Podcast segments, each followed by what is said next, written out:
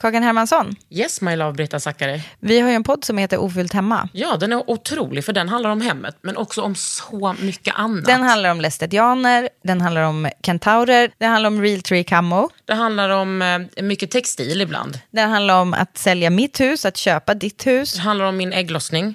Alltid. Ja. Min också. Tack. Den heter Ofullt hemma och den finns där poddar finns. Hörs i podden, hej då! Ryan Reynolds here from Mint Mobile. With the price of just about everything going up during inflation, we thought we'd bring our prices down. So to help us, we brought in a reverse auctioneer, which is apparently a thing. Mint Mobile unlimited premium wireless. Ready to get 30, 30, bit to get 30, bit to get 20, 20, 20, bit to get 20, 20, bit to get 15, 15, 15, 15 just 15 bucks a month. So, Give it a try at mintmobile.com slash switch. $45 upfront for three months plus taxes and fees. Promo for new customers for limited time. Unlimited more than 40 gigabytes per month. Slows. Full terms at mintmobile.com. Det här är en podd från L. I veckans Underhuden kommer Maria Nilsdotter. Hon är, alltså jag skulle nog ändå säga att hon är en smyckesdrottning i Sverige. Vi pratar smycken, konstskola. Hur är det att vara konstnär? Ja, det är inte så kul alltid. Men det blir ett kul avsnitt. Under huden. Med Kakan Hermansson.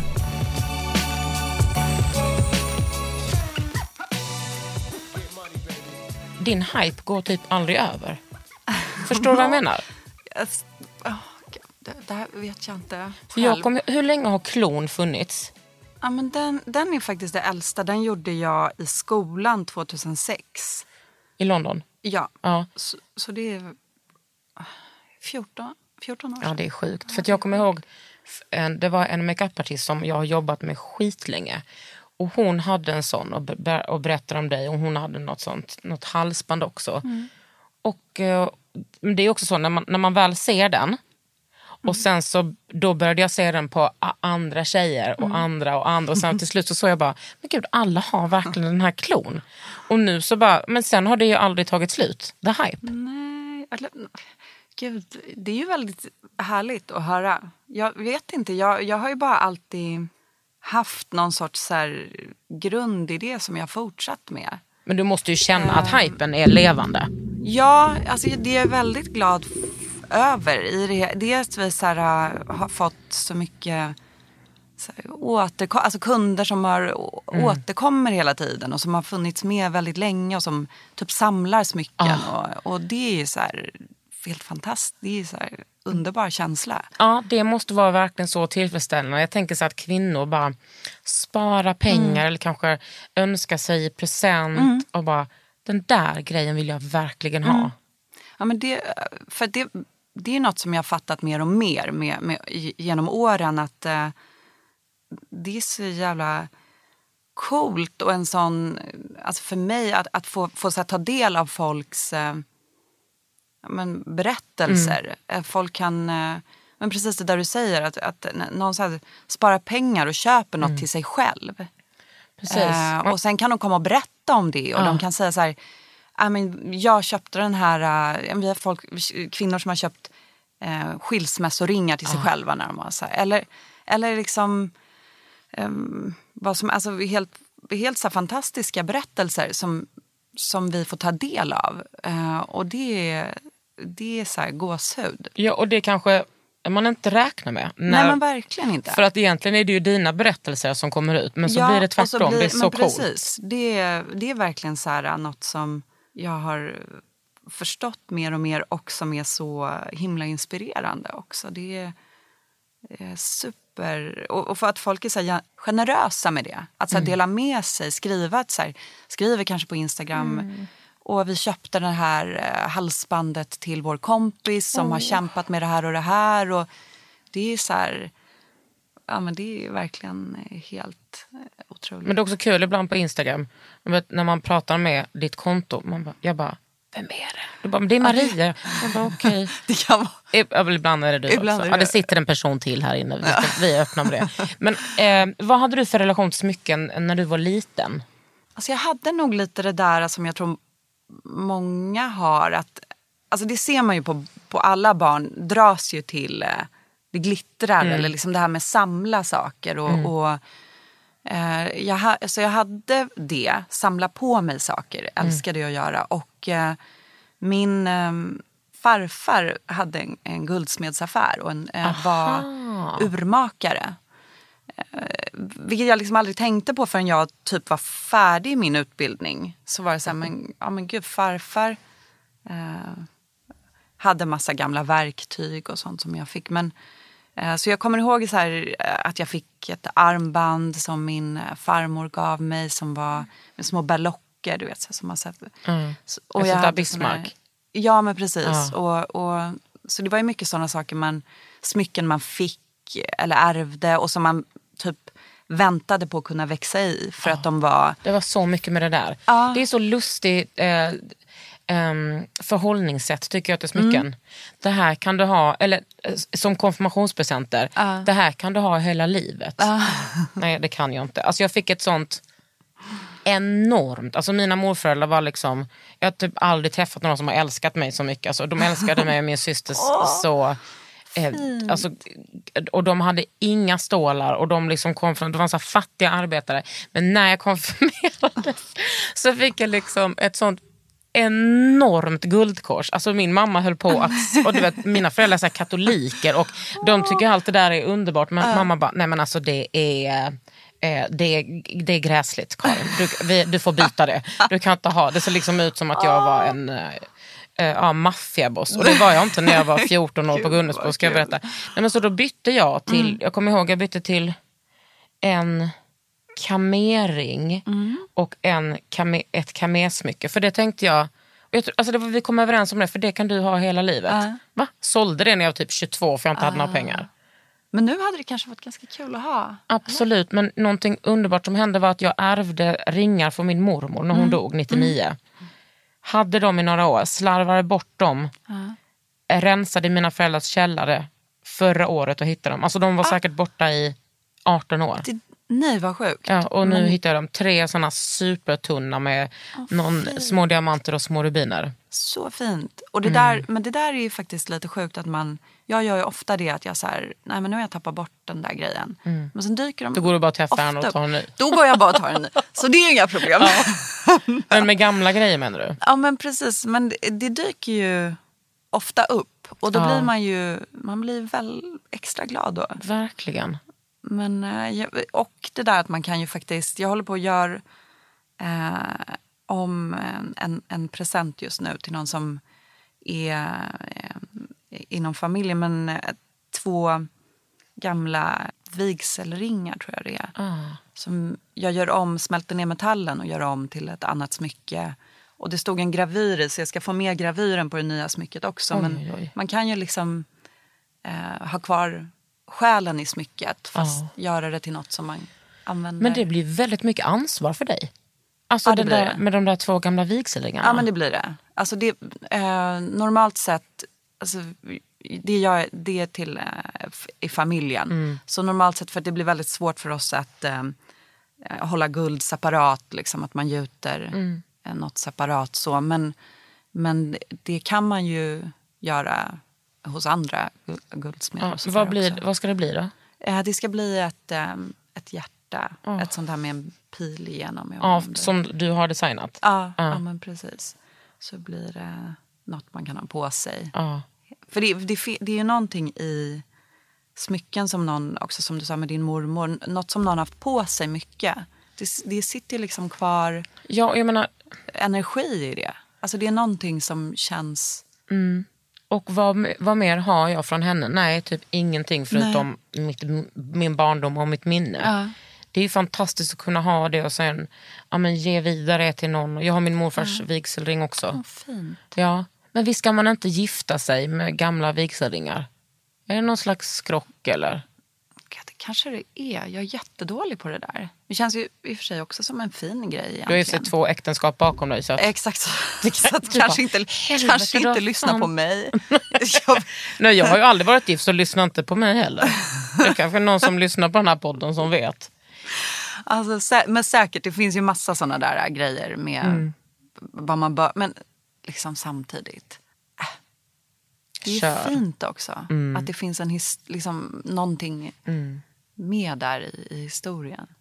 det är laddat. Liksom. Jag kommer ihåg när jag var liten, då fick jag, när jag fyllde tio fick jag ett par små guldörhängen av alla mina släktingar. Alltså, när jag säger små, nej men de var små. Eh, och kom till skolan och var så jävla nöjd. Och så var det, var det en kille som frågade, är det där guld? Jag bara, ja. Han bara, det är det inte.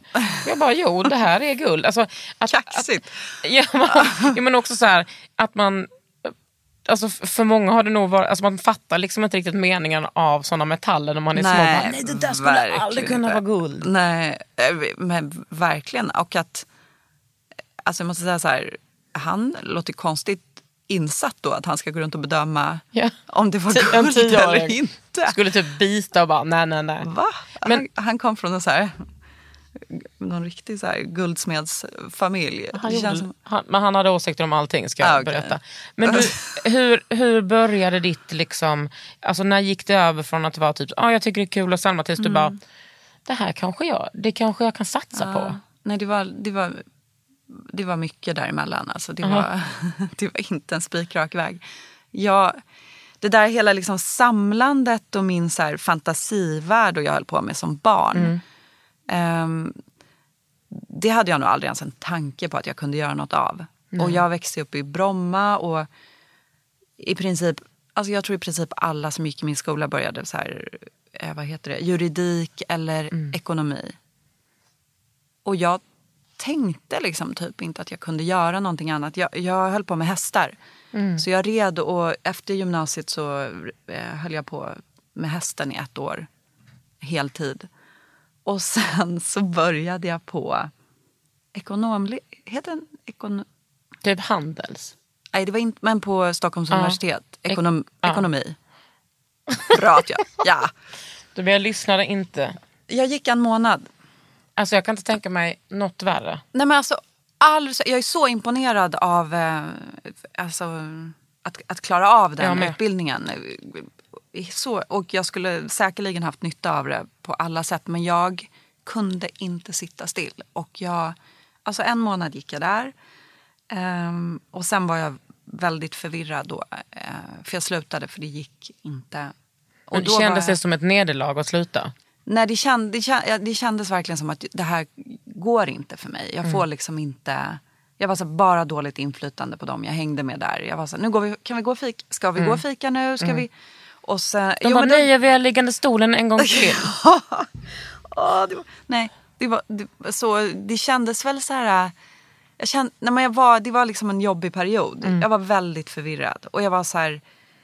Ska jag hålla på med hästar? Ska jag, jag ska ju inte hålla på med ekonomi tydligen. Och, Fanns eh, bara de två valen också? Ja, och sen någonstans där så hade jag alltid varit så här eh, kreativ. Eller jag hade ha- ritat mycket och hållit på med det. Och då var jag så här, ja men det jag kan tänka mig, kan man välja att göra något kreativt? Och eh, mina föräldrar har alltid varit så här, du får göra vad du vill, bara du liksom gör något. Alltså du måste Mm. De utbilda har dig. inget sånt konstnärligt, de jobbar inte Nej, med sånt. nej, de är båda civilingenjörer. Men, men, men väldigt så här, du, du måste utbilda dig, men Mm. du får välja vad du vill. Och då var jag så här, men då, då ska jag göra något kreativt. För där kände jag ändå så här, där kan jag andas. Och då började det någon så här sök, eh, sökande väg. Liksom. Att så här, eh, testa, gud jag höll på med allt möjligt. Eh, fotografering, mönsterkonstruktion, sömnad, illustration. Alltså, Gick du olika olika kurser? kurser. Ja. Och sen eh, så flyttade jag till London och eh, då gick jag ett grundår i konst och design eh, där man provade så här, två veckor. med Någonting. Mm. På vilket var en väl- skola? På en skola. Och, vilket var väldigt bra för mig eftersom jag var så lite lost. Och då, två veckor var eh, smycken, smyckesdesign. Och det var verkligen så här att det klickade för mig. Och det var ju det var väldigt skönt. För Det där är varit... så coolt. Alltså för så var det ju med mig, eller jag vet inte om jag var så lost men jag började en utbildning, teologi. Jag tänkte Mm. att jag skulle bli så här feministteolog för min pappa är teolog. Ah. Och sen så hoppade jag av efter ett halvår och bara gick på så kvällskurs på keramik Mm. och min mamma bara wow, åh Karin du har-" alltså jag, tog, jag hade flyttat hemifrån men jag brukade komma hem till mina föräldrar med lite lera så satt jag i köket Mm. och mamma bara jag har aldrig sett dig så här någonsin. Nej. Helt lugn och liksom kunde sitta med det där hur länge som helst.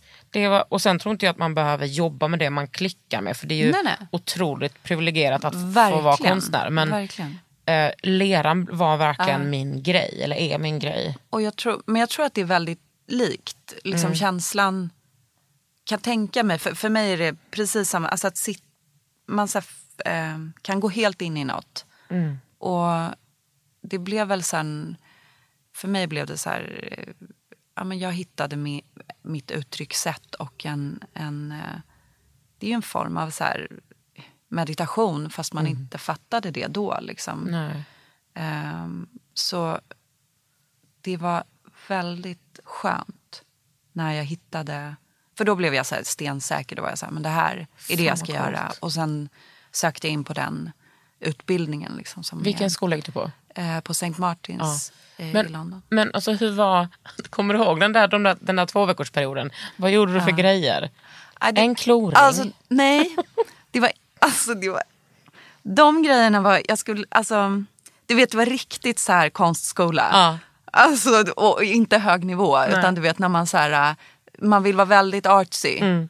Eh, men man har inte riktigt skillsen. Nej, jag förstår. Eh, så det var någon så här jättemärklig ögonbindel med så här eh, tår, tårarna fanns Ja. i men- Nej, men det var märkligt och sen var det någon så här konstig grej som stack upp över ansiktet. Alltså det var, nej. Men det är det som är jag har inte underba- sparat det. Nej, mina föräldrar har ju sparat typ allt.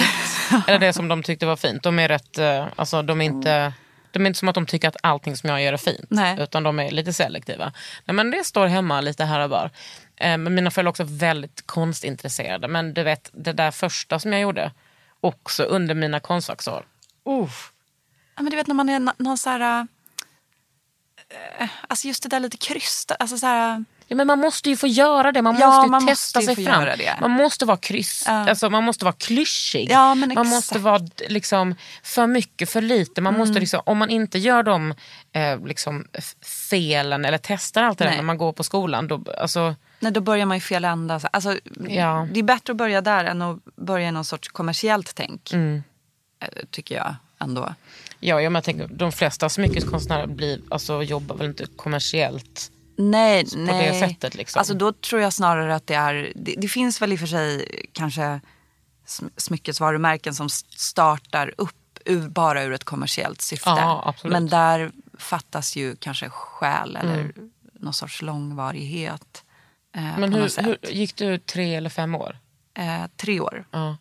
Och, och vad hände under tiden? Alltså, vad, Nej, men det var ju väldigt skönt tyckte jag för mig. För jag var så himla säker på att jag ville göra det här. Många som gick eh, i min utbildning var ju... För det första var jag några år äldre. För vi, jag hade ju testat de där andra grejerna innan. Och eh, Många av de liksom, brittiska studenterna kom ju direkt från skolan. Och de var ganska så här gick ändå den här väldigt specifika utbildningen men var så här, "Nej, men jag vet inte om jag vill jobba med smycken sen. Och, är den inte också dyr? Jo, alltså inom EU är det ju okej men sen utanför EU är det ju väldigt dyrt. Ja. Och det var ju många som kom ut, Ja. utifrån De också. skulle bara leka av sig lite. Ja, och den, kände, den är ju väldigt spe specifik. Liksom. Men, Mm.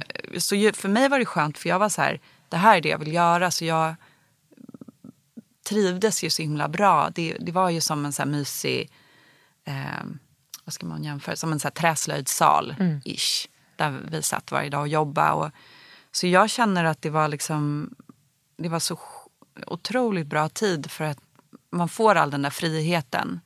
Eh, som det du var inne på, att här, skapa och testa. Och, men man är i en så här, eh, det är samtidigt så tryggt för man behöver inte vara ute och liksom eh, sälja eller, eller Nej. Prestera Nej, på det fy, sättet. Det är hemskt. Men, eh, eller det är hemskt att, att behöva göra det samtidigt. Man kan ju bara nörda ner sig. Men skrev ni uppsatser och sånt där också? Hade seminarier? Nej, alltså om jag ska, den, den här skolan är ju väldigt så här, eh, vad ska man säga, icke-kommersiell. Det är ju mycket mer så här att avantgarde, man ska liksom eh, konceptuellt tänk.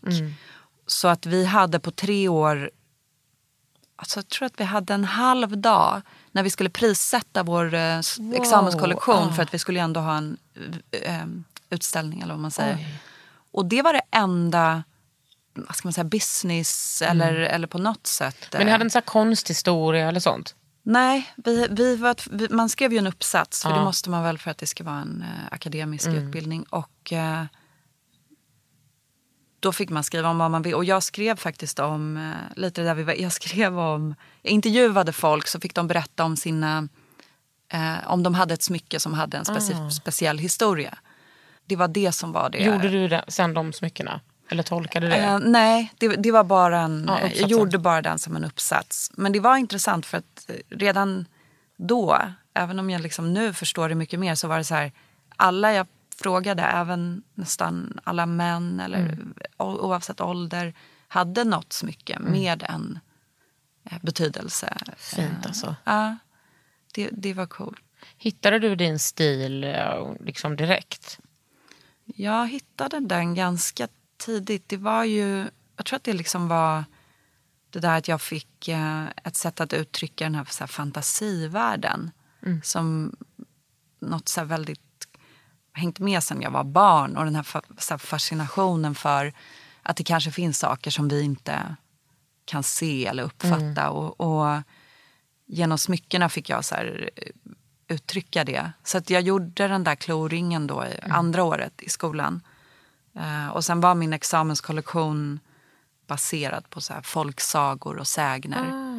Eh, så att jag hade ju den grunden i mitt varumärke var från då egentligen. Under huden.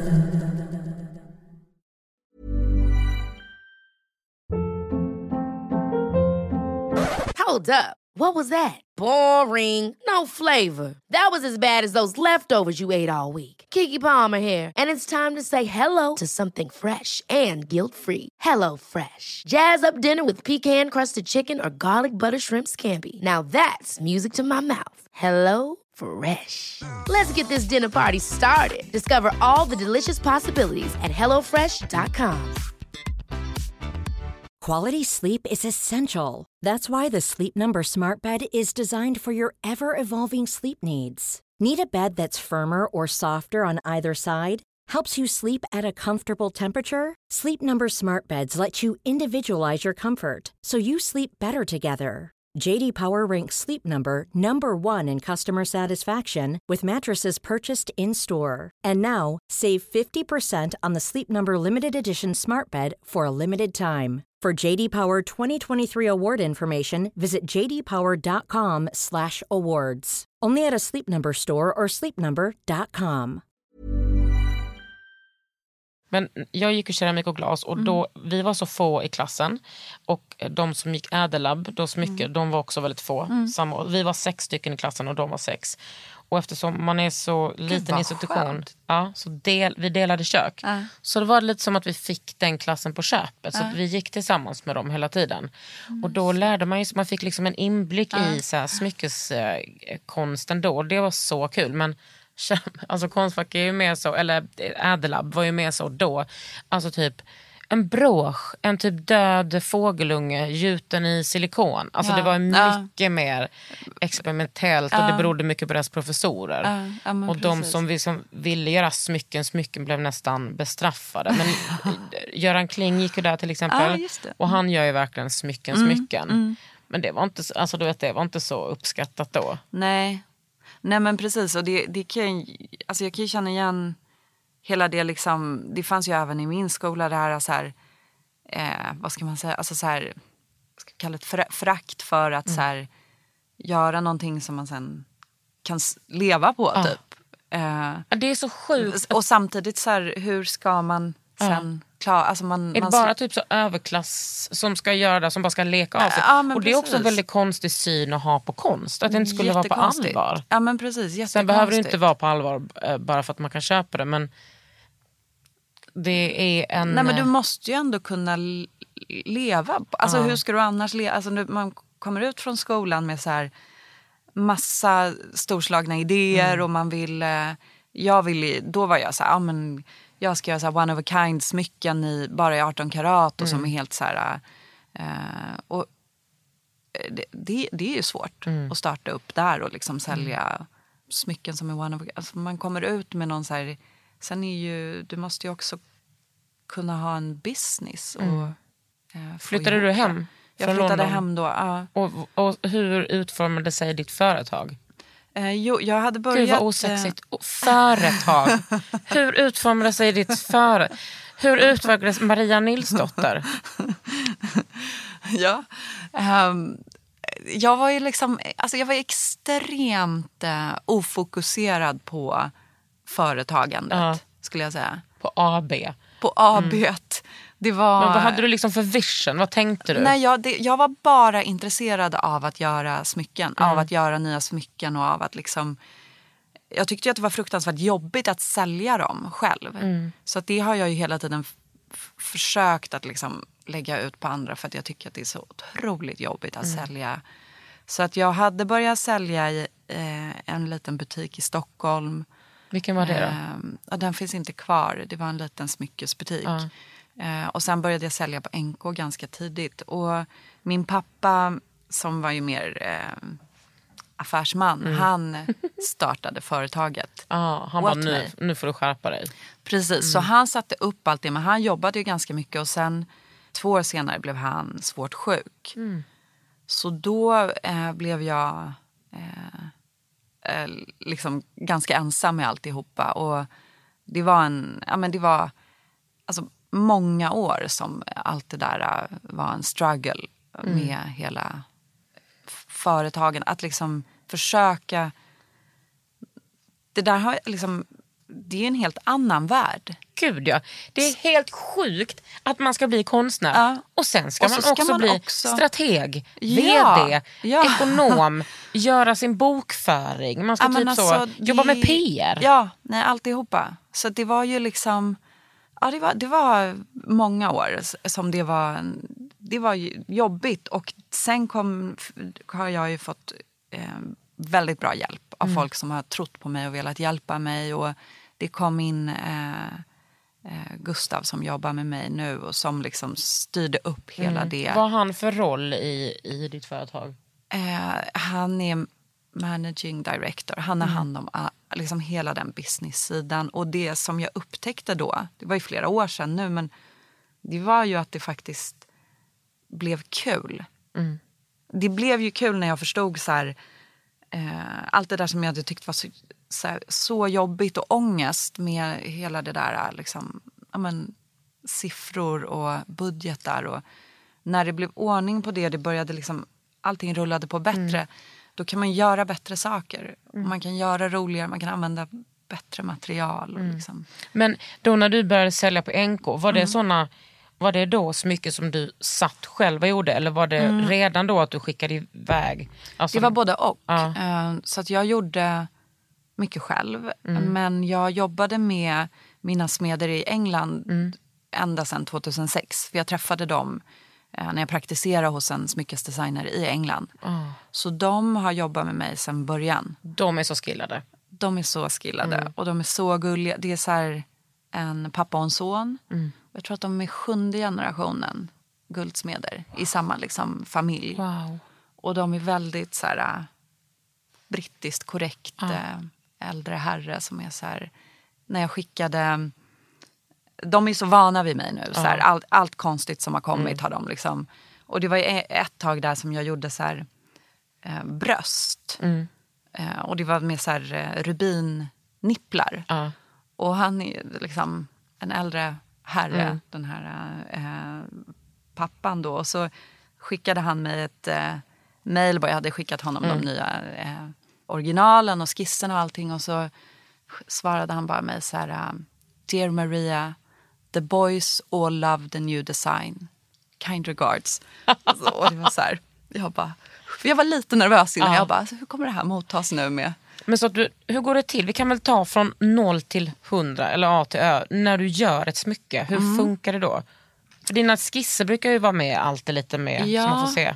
De är, skisserna är nog så här väldigt viktig, viktiga för mig i mitt arbete. Ehm, jag börjar skiss, med skisserna, eller det börjar ju med någon idé. Det kan vara alltså, vad, vad som helst. Men det är ofta någon så här eh, någon sorts mm, berättande eller sagoaktigt över den där idén. Och, och så håller jag på med den i mina skissblock. Ehm, och där, eh, alltså jag skissar ganska fritt, inte så tekniskt skulle jag väl säga. Och sen börjar jag oftast göra modeller i vax. Eh, som är så här, ja, som att eh, skulptera i miniformat. Och det är ju, liksom hela den processen med skissandet och modellerandet i vax är så här, det roligaste jag vet. Det är ju det där att liksom få helt bara, där försvinner ångesten liksom i, det- i det ögonblicket. Hur ofta sitter du och gör det? Alltså det är olika, men det är ju, alltså det är ju varje vecka. Alltså det är ju, om inte varje dag. Det, det är svårt för att ofta blir dagarna upphackade. Man vill ju helst sitta en längre tid. Men eh, i olika perioder så är det, det, blir mer intensivt under vissa perioder. Och då, då är det varje dag. Ja, det är det bästa. Ja, Det Det är för mig som att vara i ateljén. ja men precis. Jag kan tänka mig att det är väldigt likt. Då vill liksom. man ju ha hela dem. Man vill inte bara vara där en timme Nej, eller för två. du vill inte sen lägga bort. Nej. Alltså, är du i det så vill du fortsätta. Och, Och vaxet gör man som... Alltså det måste du väl också bli så här, mer skillad på hela tiden. Att göra Ja. de där små, små sk- skulpturerna. Ja men verkligen. För det var, för det var så här... eh, Det är ju en liten... Det är en liten jobbig process. För att det- är ju lite som så här... Föda barn. Eller alltså ett tag känns det ju så här omöjligt. Bara, men eh, nej men alltså nu, det här är en klump och det känns inte som det kommer bli det jag vill att det ska Nej. bli. Men sen så blir det det. För Ja. att på något sätt har man ju eh, jobbat ihop sig med sin hjärna och händerna så att de på något sätt gör ändå det. Eh, Och det är ju väldigt tillfredsställande när man börjar närma sig det där. Liksom, man börjar se att det faktiskt börjar se ut som det man hade i huvudet. Det är det svåraste tycker jag. Ja. Att få ut det Ja. i, handen, Ja, vad ens precis. hjärna håller på med. Varför tog man det precis. som jobb? Gräsligt. Ja, och det kan ju vara, ja men precis, det, det kan vara så enormt frustrerande Mm. och så enormt eh, tillfredsställande. Men sen den där lilla vaxgrejen, vad hände med den? Den eh, är gjuter, ja, jag Mm. jobbar med en smed i Stockholm. Som, eh, för jag gör inte eh, något sånt hemma eller så längre. Jag gör mina vaxer, sen åker Mm. vi till, till min smed i Stockholm. Och så gjuter han och sen eh, tittar vi på den och så oftast är det lite ändringar. Och, Hur- Ehm. Men, och gjuter gör man att man, man gör en gipshölje ja, precis.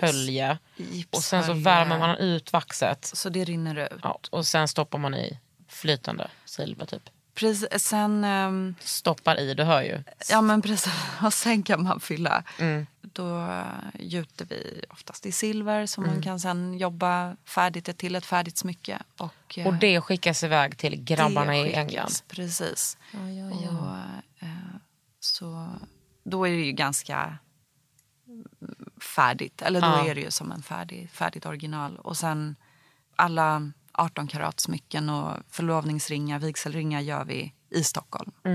Alltså det är så fantastiskt att, att tänka att alla de här smyckena som du har gjort är liksom, där har du gjort grunden.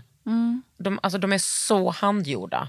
Ja. Det är liksom, det är ingen massproduktion på det sättet Nej. liksom. Nej men verkligen inte. Och, och det är någonstans det jag tror också kanske har gjort att jag kunnat hålla på länge. För att det, det går ju eh, att, att inte göra saker för hand och att i princip men, köpa färdiga formar eller liksom. Nu finns ju 3D-teknik som ju är spännande men som också eller i mina ögon försvinner någonting där. Det där är liksom... Alltså jag har gjort, ehm, tre, fått mina skisser överförda i 3D också. Och ibland är det jättebra för det blir väldigt exakt. Men det är någonting som försvinner i, i... Du vet det där vi pratade om när man hjärnan liksom går över i att händerna arbetar. Då gör du ju också hela tiden om. Du ändrar om liksom. Det gör man ju inte i, i 3D. Den blir för perfekt, för direkt. Det är något som försvinner där. Ja men sen tror jag också att det handlar om att du, alltså jag menar både du och jag älskar att jobba med händerna. Mm. Alltså hantverket är, är alltså för mig är det så viktigt. Men verkligen. Det är, ja. Och det är så viktigt för en själv. Alltså Ja. för ens... Eh, Jag tänker om du skulle hoppa över det. nej men nej. Det är ju det som är, det är, det som är liksom det härliga. Att få så här, äh, gå in i det. Alltså nu måste ju arbeta ditt företag gå skitbra. Ja, alltså nu senaste åren känns det som att det har eh, eh, hänt mycket. Och det är, ju, det är ju också för att vad som också är så, alltså så sjukt kul när, när det börjar hända grejer och man faktiskt börjar nå ut och det börjar liksom rulla. Det är ju att eh, man får jobba med massa roliga människor. Nu är vi ett team och det är jättemånga personer med mm, så här massa skills som inte jag har. Och som kommer med så här, eh, grymma idéer. Och, som, och det är ju så här, ja, men det är så coolt. Och det är så här, hel, från att ha varit helt själv så är det en så här fantastisk känsla. Att ha ett så här support och att ha liksom folk som bara kan en massa grejer. Och som underlättar för då kan du göra det som du är bäst på. Mm, ja men precis. Och inte försöka med det. Det är ju liksom väldigt ensamt att vara konstnär. Ja. Man fattar inte det när man går på konsthögskola. Så bara är man med folk hela tiden och så är det så Men precis, roligt. för där har man ju mycket det gemensamma. Och sen helt plötsligt bara sitter man där i sin ateljé och bara, ja hopp. Ja, man behöver ju jättemycket Mm. stöd i det där för att det är ju svårt. Alltså det är Mm. ju... Och alla de där vardagliga samtalen man har i skolan försvinner ju. Och det är Ja, det som är ens liksom fuel. Att man hela tiden kan ha utvärdera små, små, små samtal om liksom ditten eller datten. Ja, verkligen. Men du, sådana där saker som att du vann pris på Elgalan. Har det stor betydelse för liksom, ditt varumärke? Jag, jag kan tänka mig... Jag tror att det har betydelse att man eh, når ut liksom, och att folk eh, känner igen och får upp ögonen för Mm. en. Absolut. Det tror jag verkligen. Fan vad gött. Ja, vad och det är härligt. ju också så här... Det är klart att det är så här, eh, när man håller på, på med det man gör och man är väldigt ensam och liksom, Mm. det, det går ju upp och ner ens... Alltså jag, jag tror att man, det krävs ju en sjuk envishet för att eh, fortsätta med något. Så att, jag kanske aldrig har, jag har aldrig tvivlat på att jag vill fortsätta göra det men det är klart att det är så här, eh, det går ju upp och ner. Och när man får ett liksom eh, en, en så här klapp på ryggen eller någon som säger att man gör något bra så är det ju också det är ju väldigt viktigt för eh, att man ska liksom känna att man vill göra någonting Ja. bra och faktiskt ska Vad, fortsätta. vad för annan slags bekräftelse tycker du är så viktigt i ditt konstnärskap? Jag tror det är, jag tror det är jätteviktigt att känna, känna att man utvecklas.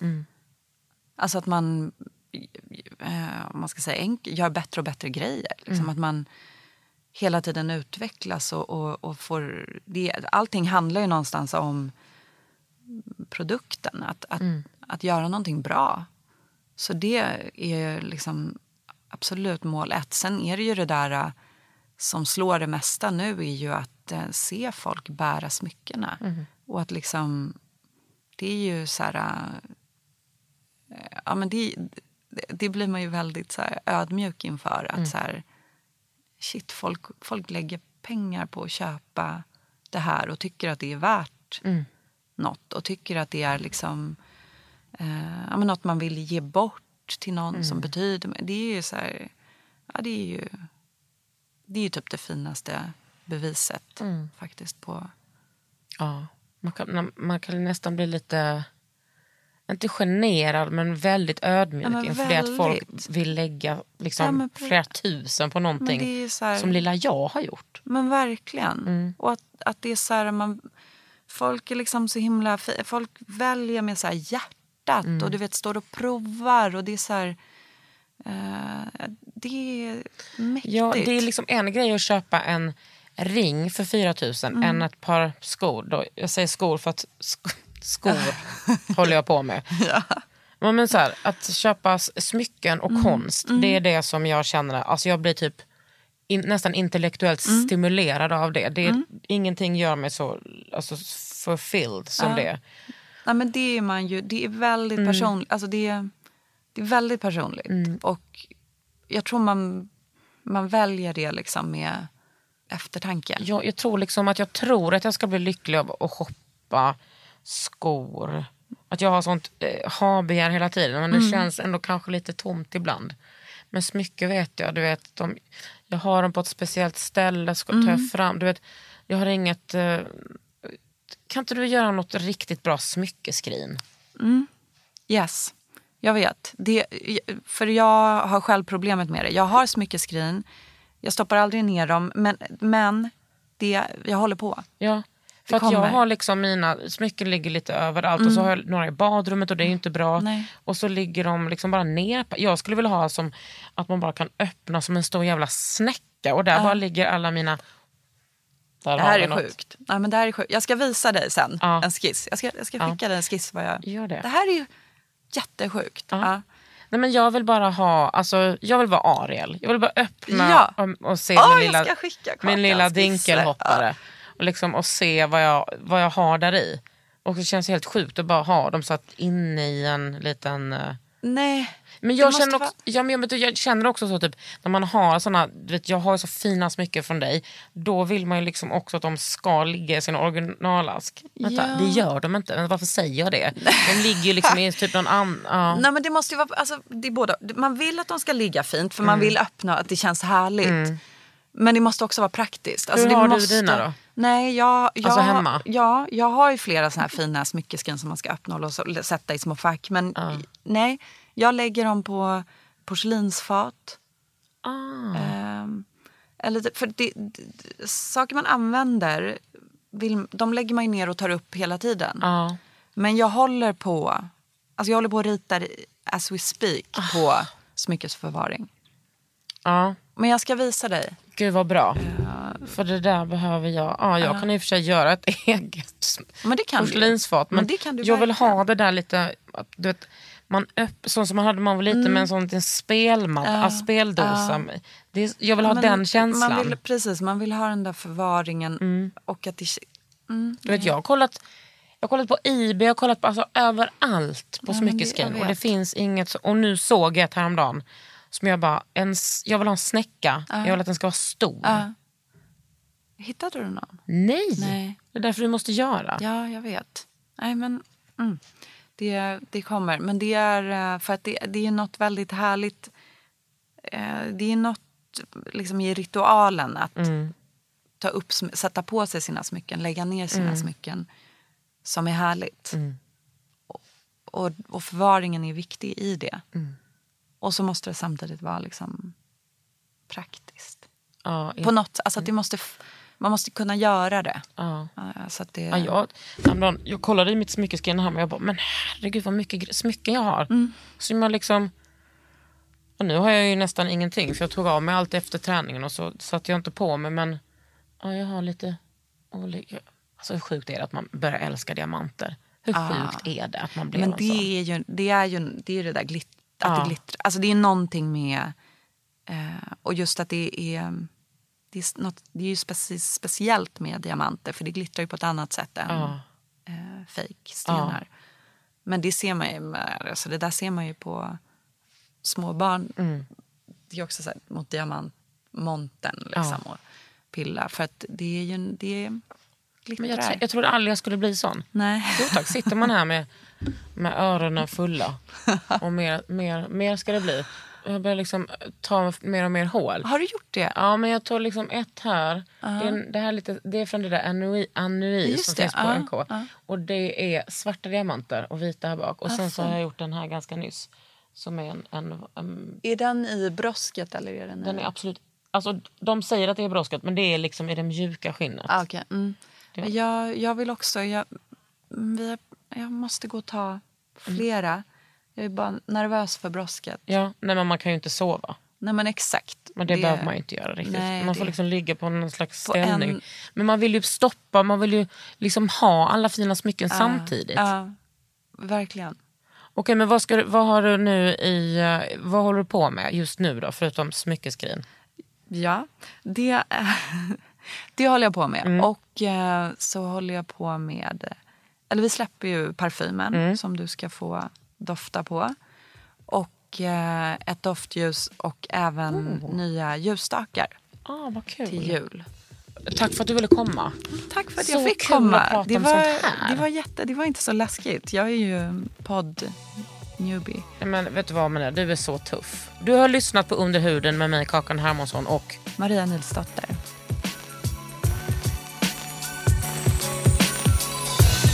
Du har lyssnat på Under huden med Kakan Hermansson. En podd från L.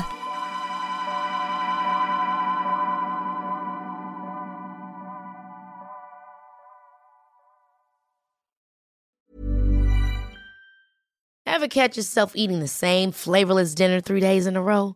Dreaming of something better? Well, HelloFresh is your guilt-free dream come true, baby. It's me, Kiki Palmer. Let's wake up those taste buds with hot, juicy pecan-crusted chicken or garlic butter shrimp scampi. Mm. Hello Fresh. Stop dreaming of all the delicious possibilities and dig in at HelloFresh.com. Let's get this dinner party started. Planning for your next trip? Elevate your travel style with Quince. Quince has all the jet setting essentials you'll want for your next getaway, like European linen, premium luggage options, buttery soft Italian leather bags, and so much more. And is all priced at 50 to 80% less than similar brands. Plus, Quince only works with factories that use safe and ethical manufacturing practices. Pack your bags with high-quality essentials you'll be wearing for vacations to come with Quince. Go to quince.com slash pack for free shipping and 365-day returns.